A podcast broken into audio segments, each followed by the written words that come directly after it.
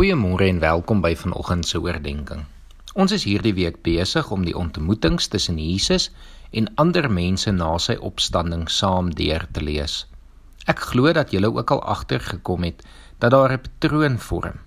Wanneer Jesus aan mense na sy opstanding verskyn, wens hy hulle eerstens vrede toe of stel hulle gerus dat hulle niks het om voor bang te wees nie. Indien die persoon wat hy ontmoet iets verkeerd gedoen het, soos in die geval van Petrus en Thomas, herstel Jesus dan die foute wat die persone gemaak het en herstel sodoende ook die verhouding tussen hulle.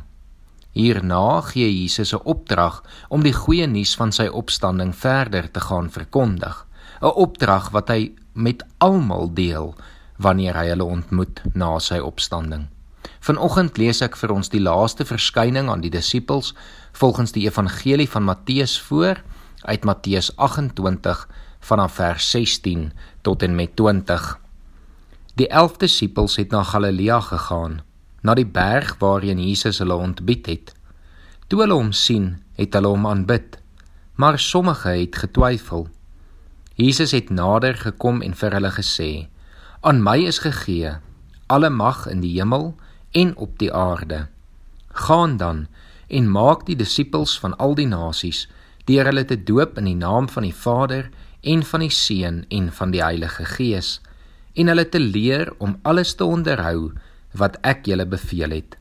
En kyk, ek is met julle al die dae tot aan die volëinding van die tyd.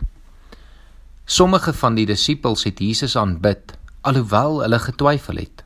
Nogtans, soos ons ook gister gehoor het, weet ons Jesus verstaan ons twyfel en help ons daarmee. Ten spyte van ons twyfel, gee hy egter steeds vir al die disippels dieselfde opdrag: Gaan dan na al die nasies en maak die mense my disippels. Doop hulle in die naam van die Vader en die Seun en die Heilige Gees en leer hulle om alles te onderhou wat ek julle beveel het. Dit is hierdie opdrag wat ons laat besef dat elke mens wat tot geloof kom, wat glo dat Jesus die opgestane Here is, wat Jesus volg, dan ook moet vertel dat Jesus lewe en dan moet ons ook ander leer om Jesus te volg. Elke gelowige word geroep om 'n disipel van Jesus te wees, maar elke gelowige word ook geroep om nog disippels te gaan maak. Ek glo dit is elke gelowige se verantwoordelikheid om ten minste met een persoon in jou lewe 'n mentorskapsverhouding te hê waar jy die persoon leer om Jesus te volg. Ek dink baie keer hoor ons hierdie verantwoordelikheid, maar dan is dit vir ons oorweldigend. Dan weet ons nie waar om te begin of hoe om dit te doen nie. Maar eintlik is dit eenvoudig. Ons deel net wat ons ervaar en geleer het van God met die wat dit nog nie ervaar, gehoor of geleer het nie. Ons het niks te vrees nie, want Jesus het vir ons hier die belofte gegee dat hy by ons sal wees elke dag tot aan die volëinding van die wêreld. Dat hy deur sy gees ons sal lei en ons die regte woorde sal gee.